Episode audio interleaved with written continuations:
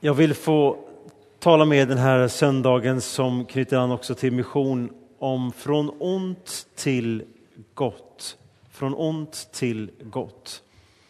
Och som inledning har jag lagt upp en bild av en mörk himmel och inom citationstecken så står det att det spricker upp. Så på somrarna när jag är med bland annat min svärmor vid några tillfällen, jag har berättat för henne om, om henne vid något annat tillfälle här, så har jag lärt mig någonting av henne när det gäller att tyda himlens tecken. Och hennes regel är att i princip hur mulet det än är så tittar hon alltid upp och så kikar hon och så säger hon, det är nog på väg att spricka upp nu, säger hon, vi kan nog ta kaffet utomhus. Nej, men jag sa, det, ju, det, ju, det finns ju inget ljus här. Jo, men det, det, är lite på väg här. Du ser, det rör sig lite här. Det är alltid på väg. Så för henne håller det alltid på att spricka upp. Och jag tycker det är ett så härligt sätt att se också på tillvaron och livet. Vi kan välja att se på svårigheter och mörker eller vi kan välja att se på ljus och vi kan välja att se på det stora ljuset Jesus Kristus. Och det, det förändrar i princip allt. Och det finns en första bibelordsmening jag har för er från första Mosebok 50, vers 20. Där finns ett berömt citat. Ni ville mig ont, men Gud har vänt det till något gott. Ni ville mig ont, men Gud har vänt det till något gott. Och utifrån det här kommer den här kristna levnadsregeln om att allt som är ont kan Gud genom sin förmåga vända till någonting gott. Och med det sagt så är det här samtidigt ett väldigt svårt ämne att bara säga så, för det finns så mycket lidande som inte innehåller något hopp, eller så mycket smärta som inte leder till liksom ljus som människor upplever det. Och det finns också med. Och samtidigt så verkar det vara så att människor är med om under att i det svåra så kommer någonting ljust ut, tack vare Guds nåd. Och jag kan inte förklara det riktigt hur det kommer sig. Men någonting jag har mött genom livet hittills är att jag har hört så många berättelser om att lidande har gett ljus. Även fast det är känsligt. Vad var det som hände den här gången när Josef sa den här meningen, ni ville mig ont? Det var ju för att hans bröder hade försökt att döda honom och sen sålt honom som slav och förstört hela hans uppväxt, hans tonårstid, hans unga liksom, eh, tid efter det. Han blev anklagad för att ha begått en våldtäkt, oskyldigt anklagad för det, hamnade i fängelse. Att besviken av sina närmaste, det är ett av det värsta man kan vara med om. Att människor som man litade på helt plötsligt vill förstöra för en, bara tänka onda tankar om en, bara vrida sanningen så att det bara är det mörka kvar. Och det är säkert många av oss som har upplevt det, att man känner sig oskyldigt anklagad för det ena eller andra. Men så, så säger han detta. Ni ville mig ont. Det säger han till bröderna senare när de har liksom återförenats. Men Gud har vänt till någonting gott. Och bröderna säger, vill du inte straffa oss? Hur kan du vilja göra gott emot oss nu? Därför han valde Guds väg. Att inte låta smärtan, bitterheten, besvikelsen bli filtret för allting i livet. Utan istället så valde han att trots att han hade alla rättigheter att kunna hata sina bröder, han hade makten i sin situation att förstöra för dem, göra livet svårt, så valde han att välsigna dem, hjälpa dem, även fast de hade varit elaka mot honom. Välsigna, förbanna inte. Och det här är någonting som Gud gör i människors inre. Och låt oss få börja året på det här viset. Det har varit så mycket mörka nyheter nästa år och det kanske blir ännu mer mörka nyheter det här året. Men du kan vara trygg i, eller ha förvissning i, beroende på dina känslor och hur du tänker kring tillvaron, faktiskt ha ett förtröstan i att när du är döpt och blir ett Guds barn och säger jag vill leva i gemenskap med dig. Hur än din så att säga, konfirmation av ditt dop ser ut. Eh, om den är så att säga, formaliserad när du är 14 år eller kommer till dig som vuxen. Att jag konfirmerar, jag bekräftar. Jag säger Jesus, du har burit mig. Jag vill att du fortsätter bära mig och att du leder mig dit du vill att jag ska gå. Då kommer du alltid att vandra i ljuset hur mörkt det än är. Och det här är ju orsaken till varför människor som har det svårt, trots allt som de går igenom, kan tacka och prisa Gud. Det är ingen naturlag för oss människor, men det verkar vara som en möjlighet vi har. Att se på sina omständigheter eller att se på att Kristus bär mig i mina omständigheter. Du vet, de finns fortfarande kvar där, men perspektivet är helt annorlunda. Och idag finns det också en så kallad episteltext, alltså en brevtext ifrån, eh, ifrån apostlagärningarna som jag vill ha som grund för predikan. Och eh, vi kan vända blad och så kan ni få följa med. Jag har lagt med några extra verser för att ni bättre ska förstå sammanhanget. Det som var kort precis inlett innan skett här, det är att en av de första diakonerna, Stefanus, berättar frimodigt om sin tro. Och han blir då häcklad och emotsagd av judiska ledare som säger att han är en villolärare som pratar om Jesus. Och han står kvar vid att Jesus är världens ljus och det leder till att de sedan stenar honom och dödar honom. Det är ett antal tusen människor som blivit kristna i Jerusalem. Det har bara gått en kort tid efter Jesus har återvänt till himlen på pingstdagen. Och det berättas att när det här har inträffat så utbreder det en stor förföljelse. Dödandet av Stefanus blir startskottet för fängslande av kristna som finns i staden. Man vill förstöra och man vill riva ut det som man ser som ondskan själv med rötterna. Och vad händer då?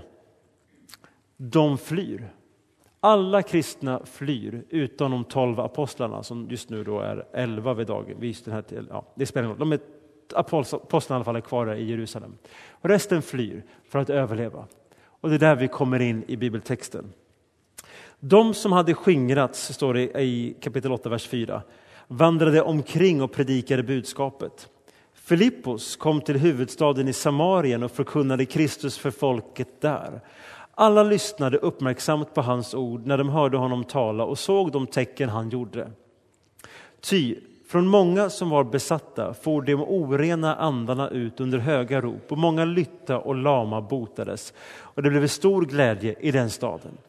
Men där fanns en man vid namn Simon som bedrev trolldom och som hade fått folket i Samarien att häpna. Han gav sig ut för att vara något stort och fick alla med sig, hög som låg. Och de sade, han är Guds kraft, den som kallas den stora kraften. De slöt upp kring honom därför att han länge hade hänfört dem med sina trollkonster. Men när de hade börjat tro på Filippus och hans budskap om Guds rike och Jesu Kristi namn lät de döpa sig, både män och kvinnor. Simon kom själv till tro. Han blev döpt och vek sedan inte från Filippos sida och han häpnade när han såg vilka tecken och under som skedde. Då apostlarna i Jerusalem fick höra att Samarien hade tagit emot Guds ord sände de dit Petrus och Johannes som reste ner och bad för de troende att de skulle få helig ande. Ty ännu hade anden inte kommit över någon av dem, de var bara döpta i Herren Jesu namn.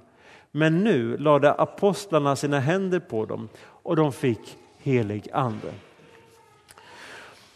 Och från ont till gott, det första jag vill få säga det var att det gick ifrån förföljelse, vilket är någonting ont, till någonting gott, nämligen mission. Jesus han sa på pingstdagen, gå ut, gör alla folk till lärjungar och lär dem att hålla alla de bud jag har gett er. Och ni ska få den helige Ande som gåva och ni ska få bli mina vittnen i Jerusalem, i Samarien och till jordens yttersta gräns. Och vad hände? De fick den helige Ande som gåva, de kristna i Jerusalem. De stannade kvar. Och de kände glädje, kärlek, frid. Det står att allt folket tyckte om dem. De delade med sig sina ägodelar. Det var ljust och glädje. Och det var tryggt och det var skönt. Det var bara det att Jesus ville och vill att alla människor ska få höra evangeliet om Jesus Kristus. Och här ser vi hur någonting ont ett dödande av, den, av, av Stefanus leder till att evangeliet når ut. Det blir en tvingande punkt för människor att lämna Jerusalem för att överleva och inte bli fängslade. Men när de gör det så gör de det för att överleva, inte för att de är arga på Gud. För de fortsätter att berätta vart de nu är om Jesus. Och det är det här som gör att evangeliet, spridningen, kommer igång. Det är märkligt det där hur det kan bli på det viset. Och jag vill inte jämföra förföljelse mot andra mindre svårigheter, men jag har fått se, både i mitt eget liv, hur de svårigheter och lidanden eller erfarenheter man har gått igenom, när man kommer igenom dem tillsammans med Gud så kan de bli till en hjälp för andra människor i att dela sin tro. Gud har förmågan att ta någonting ont och göra det till någonting gott. Och även om det kan vara svårt att få ihop tillvaron kring det här så är det också exempel på i Bibeln där Gud tillåter det onda att ske för att det goda ska äga rum. Josef som lider, blir oskyldigt anklagad för våldtäkt och blir såld som slav av sina bröder hamnar ju i elände, men han säger själv det här var Guds plan för att jag skulle komma in i Egypten, komma in i Pottifars hus kunna få ta emot drömmen om de sju goda åren och sen de sju svåra lidande svältåren så att jag kunde hjälpa folket att överleva och att ni sedan kunde komma hit, ni israeliter, och överleva i Egypten. Mitt lidande var tvunget för den plan Gud hade för mig. Och Det här betyder inte att vi tar emot lidande med en tacksägelse. Men låt inte dina motgångar, vilket slag de än vara, bli så att säga hinder för vad du tänker att du kan göra citat för Gud. Därför då tänker du på ett sätt som är alldeles för begränsat. Du ska lita på att Gud är med dig alla dagar in till tidens slut. Och Vi vet att vi alla kommer drabbas av det så att säga, stora lidandet, det vill säga döden, ändå. Men han är med oss i det vi är. Och jag kommer inte glömma det samtalet med en MS-sjuk kvinna jag hade i min församling uppe i Piteå. Jag frågade hur är det att ha den här sjukdomen? Jag ser att du har så ont. Och hur tänker du kring, kring Gud? För jag frågade, var undrande, hur, hur påverkar det här din tro? Hon sa, det är märkligt, sa hon, men jag är inte glad för sjukdomen, men det är tack vare sjukdomen som jag har kommit så nära Herren. För innan jag blev sjuk, då, då hade jag aldrig tid för min tro så att säga. Men när jag blev sjuk, då blev jag så beroende av honom. Och det har ändrat allt för mig. Det finns inga självklara svar, men det finns alltid en hoppfull väg i det. Det andra som vi märker här det är att det är en person som går från att vara trollkarl till kristen. Här har vi då Simon som kan trollkonster, någon typ av magi. Och han är tydligen en vältalig person, så massorna följer honom både hög och låg, det vill säga både rik och fattig och framstående i, i Samarien där och de som inte är så framstående. Alla häpnas av honom. Och han kallas för mannen med den stora kraften. Okej. Okay. Sen kommer Filippus dit. Och han har då fått fly. Han kommer som flykting till Samarien. Och Judarna är illa omtyckta i Samarien och judarna tyckte själva generellt sett inte heller om judar, i, i, i Samarierna. Så det är liksom ingen jättepositiv folkgruppsmöte. Det är liksom den negativa sidan av invandring som hamnar där. Och när de befinner sig där, så vad gör han då? Ja, men han berättar om Jesus Kristus. Och han möter människor som är sjuka, han möter människor som har problem med demonbesättelse här. Och han gör vad han kan med Jesus Kristus. Han ber för människor och under och tecken inträffar. Lite, lite liknande det som du berättade här i vittnesbördet. Kommer till en by som är fylld av en känsla av ondska och mörker. En liten pojke blir dödligt sjuk och det blir vägen in för missionen tack vare hjälpen till honom. Så öppnar, öppnar hövdingen upp. Någonting ont, en dödlig sjukdom, leder till någonting gott på ett märkligt vis och evangeliet får nya öppnade vägar. Så vi ser det här i Bibeln och vi ser det här så att säga, i nutid. Och Simon har jag skrivit för er, han hade makt men han mötte den stora kraften i Jesus.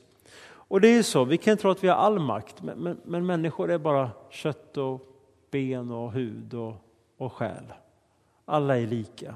Med Jesus Kristus, det är han som är det stora ljuset. Och du vet, i världen kan du säga, vem är jag? Jag är inte president, eller jag är inte framstående, jag är inte känd, jag har inte många följare. Så det betyder ju som ingenting när man vandrar med Jesus, därför han är den stora kraften. Vad är det som gör att den enkla nunnan som sedan fick namnet Moder Teresa bara upplevde en kallelse för att hjälpa fattiga och utslagna med ingenting? Det var ju där det började.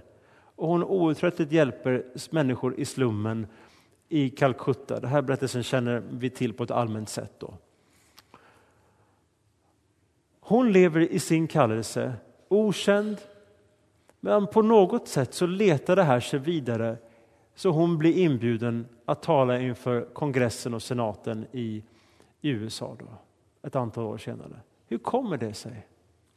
Den här enkla, så att säga, outbildade, fattiga kvinnan i Calcuttas slum står och talar med de högsta och främsta.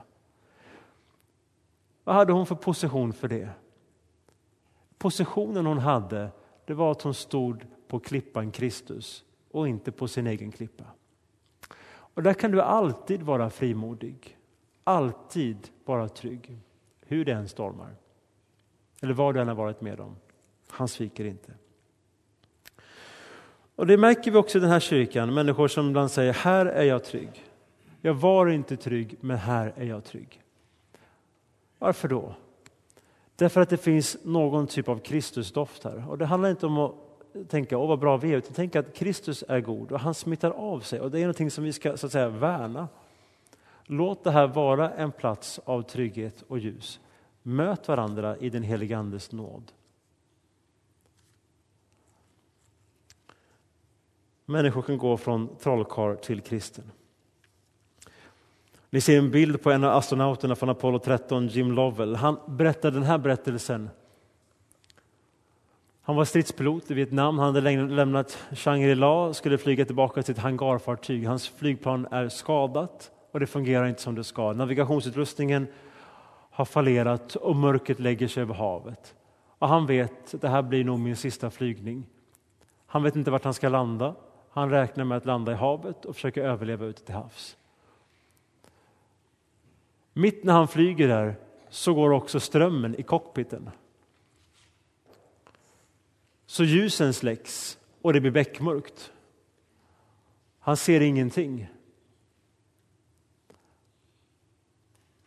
Men då så ser han vägen hem. För när mörkret kommer i cockpiten då visar det sig att hangarfartyget som hade åkt hade dragit upp alger från längre ner i vattnet som flöt upp till ytan. Och då i månskenets ljus så reflekterade de och han hittade ljusets väg hem och kunde landa och överlevde. Tänk inte, nu är det slut. Tänk, Herre, vart är ljuset som du leder mig vidare igenom detta? Och det sista som kanske är det starkaste, i alla fall för mig idag, det är att man ser ett exempel på från vrede till kärlek. Det berättas ju här att när evangeliet når ut så åker två apostlar, Johannes och Petrus, ner från Jerusalem till Samarien för att hjälpa till och ordna upp så att säga, den nykristna skaran. Och när han är, när han är med där då så välsignar de samarierna, de ber för dem och de hjälper dem. Men bara några år tidigare så hade samma Johannes varit där och avskytt samarierna och säger till Jesus, kan vi inte kalla ner eld från himlen så att de förgörs? Så att de dör. Vi blir av med de här människorna. Och nu åker han istället för att välsigna och hjälpa. Det har skett en otrolig förändring i honom. En otrolig förändring. Han har gått ifrån vrede till kärlek. Önskan att kalla ner eld, har skrivet, har lett till att de vill kalla ner andens glöd istället. Och de lägger händerna och de får se hur Gud älskar de här människorna lika mycket som det judiska folket. Också de får del av anden. Och det förändrar allt. Det ger ljus på allting. Många ser på oro inför samhällsutvecklingen men du ska se på den med Kristus. Det är inte främmande människor man har omkring sig. Det är andra människor som är Guds avbild. Som kanske har lärt känna Herren eller inte har gjort det. När du känner vrede eller bitterhet eller rädsla eller oro, svårigheter och lidanden. Kom då ihåg att Bibeln berättar att Jesus är citat smärtornas man. Känd och välbekant med lidande. Och det står också att han tar sina synder och smärtor på oss. Synderna förlåtna och smärtorna de bär han. Och ibland ser vi hur de bryts rakt mirakulöst i människors liv. Hur människor kan snabbt gå från djupt mörker eller sjukdom till liksom eh, väldigt helande. Och ibland så ser vi att människor får kraften att leva med sin smärta. Jag vet inte varför det är på det eller andra sättet. Jag tror ingen vet det fullt ut. Men vi kan få gå så att säga från köttets gärningar som Paulus pratar om till andens frukt. Och det här sker genom den helige andes nåd. Inte genom att lyfta sig i kragen utan genom att låta Kristus lyfta dig. Och det är därför när man talar om mission och evangelisation och delande av sin tro så ser jag att det kan vara alla möjliga vägar som för dig ut i att låta Kristus ljus få synas för människor. Genom tal eller ord eller handling eller hjälp, högt som lågt. Tänk inte på vad du inte gör, tänk på vem Gud är och vad du gör. Var glad för den du är. Du har ett unikt fingeravtryck och det är inte en slump. Och hela din person har också en unik kallelse. Och det är därför människor säger i kyrkan, och vi kan ändå säga det med rätta, att alla människor är unika. Därför Gud, han ser varje människa. Och därför vill jag som avslutning att låt Guds goda komma ur ondskan. Sen står det om de här Johannes då, att de, han och Simon Petrus, de lät under vägen många samariska byar höra evangeliet. Och för kopplingen tillbaka till dopet så är det ju så att det Bibeln berättar att det är ett skifte från död till liv, från andlig död till andligt liv. Men sedan så har vi också valet att få leva i gemenskapen med den helige Ande. Det är en gåva som ges, men också ett beslut vi har att förfölja honom. Men det sker av nåd, det vill säga i vila och inte i prestation att försöka fånga honom. Du behöver inte fånga Jesus. Han har full koll på var du är. Så låt det året som ligger framför nu bli ett hoppets år. Oavsett vad som händer. Och jag tror att det kan också vara grunden för ett missionens år. För när frågorna blir större, osäkerheten större, då krattas manegen och människor kan bli som den kvinnan jag pratade med i min förra kyrka. Sjukdomen, lidandet, svårigheterna gjorde att jag fick upp ögonen.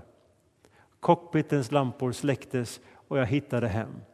Så gå in med förväntan för det här året, för vad du kan få upptäcka om vem han är mitt i det som människor möter. Och Det här kan bli ett hoppets år. Amen. Du får gärna stämma in i slutbönen här. Gud, tack att du är hos oss alla våra dagar. Smärtor, lidande och oro som jag bär vill jag få ge till dig. Lär mig förtrösta på dig och låt ditt ljus lysa i mörkret, i mig, igenom mig och till vår värld. Amen.